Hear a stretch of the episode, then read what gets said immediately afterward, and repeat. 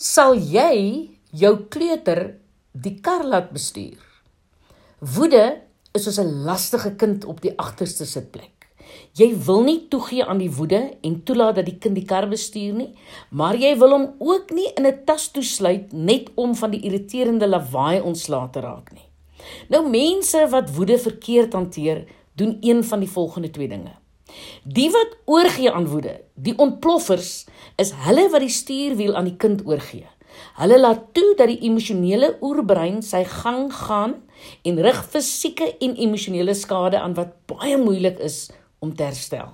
Nou ontploffers veroorsaak ongelukke wat geen versekerings sal uitbetaal nie.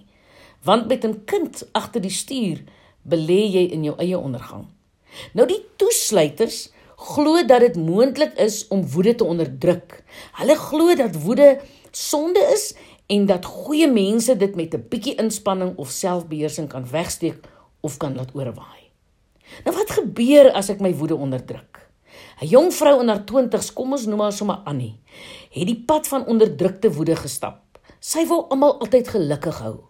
Haar pa was 'n kwaai man wat gereeld woedeuitbarstings gehad het en haar ma was 'n terugduinser wat net altyd gekoes het. Annie het nooit grense gestel nie, want sy wou almal net gelukkig maak. Sy raak op 'n vroeë ouderdom hals oor kop verlief op Nico, 'n man met 'n sterk en 'n charismatiese persoonlikheid. Hulle is getroud en aanvanklik het dit goed gegaan tot kort voordat die mishandeling begin het. Annie was nie opgewasse teen Nico se woedebuie nie.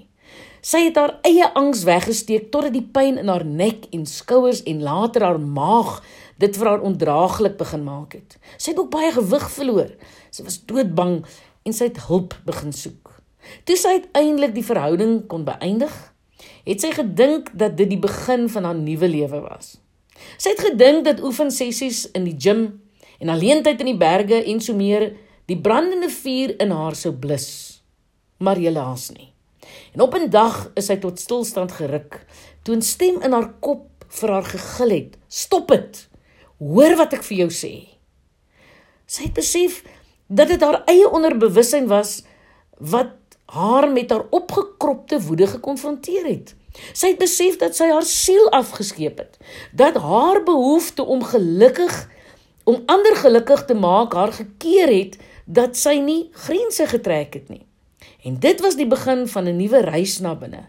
Dit was die begin van haar herstelpad. Nou, kan woede 'n mens regtig help? Woede vra dat jy iets moet doen, dat jy jou eie behoeftes en begeertes duidelik moet formuleer en jou eie grense moet stel. Besef dat jy grense het en wanneer mense dit oorskry, maak dit jou eintlik kwaad. Dis daarom uiters belangrik om jou eie grense en beginsels vir jouself te formuleer, maar ook om ander te laat weet waar jou grensdrade loop. Ja, woede kan jou bondgenoot word. Nou hoe kan ek meer bewus lewe? Bewustheid. Die Engelse woord is mindfulness. Nou bewustheid is 'n kragtige wapen. Wanneer jy bewustheid beoefen, neem jy die leiersels van jou emosionele brein oor en skuif jy jou rasionele brein agter die stuurwiel in. Nou hoe kom jy by bewustheid uit? Vier maklike stappe kan jou help om dit reg te kry. Haal in die eerste plek diep asem. Dis daarom snaaks hoe ons hierdie noodsaaklike en eenvoudige liggaamsfunksie afskeep in tye van stres. Ons vergeet om diep asem te haal. Nou asemhaling breek gevoelens van vrees en bedreiging af en is die eerste stap na herstel. Nou tweedens gee jou emosie 'n naam.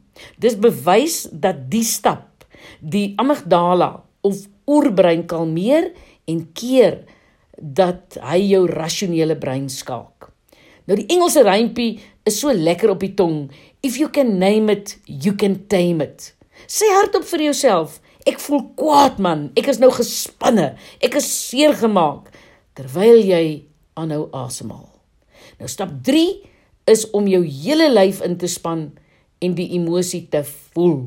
Bal jou vuiste, grom soos 'n beer. Wys jou tande en skree hardop: "Nee!" Sien navorsing het bewys dat dit die spanningshormoon kortisol onderdruk en die kalmeringshormoon oksitosien vrystel. Onthou deurentyd om diep asem te haal. Die laaste stap is om voor die spieël te gaan staan. Vra jouself eerlik af: watter boodskap jou woede of angsaanval vir jou probeer gee?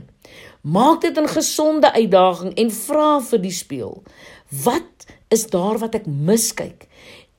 En wat ek nou moet begin raak sien? Wat kan ek anders doen? Wat is my volgende stap? En daarna ja, spel dan jou pad na herstel meetbaar uit vir jouself.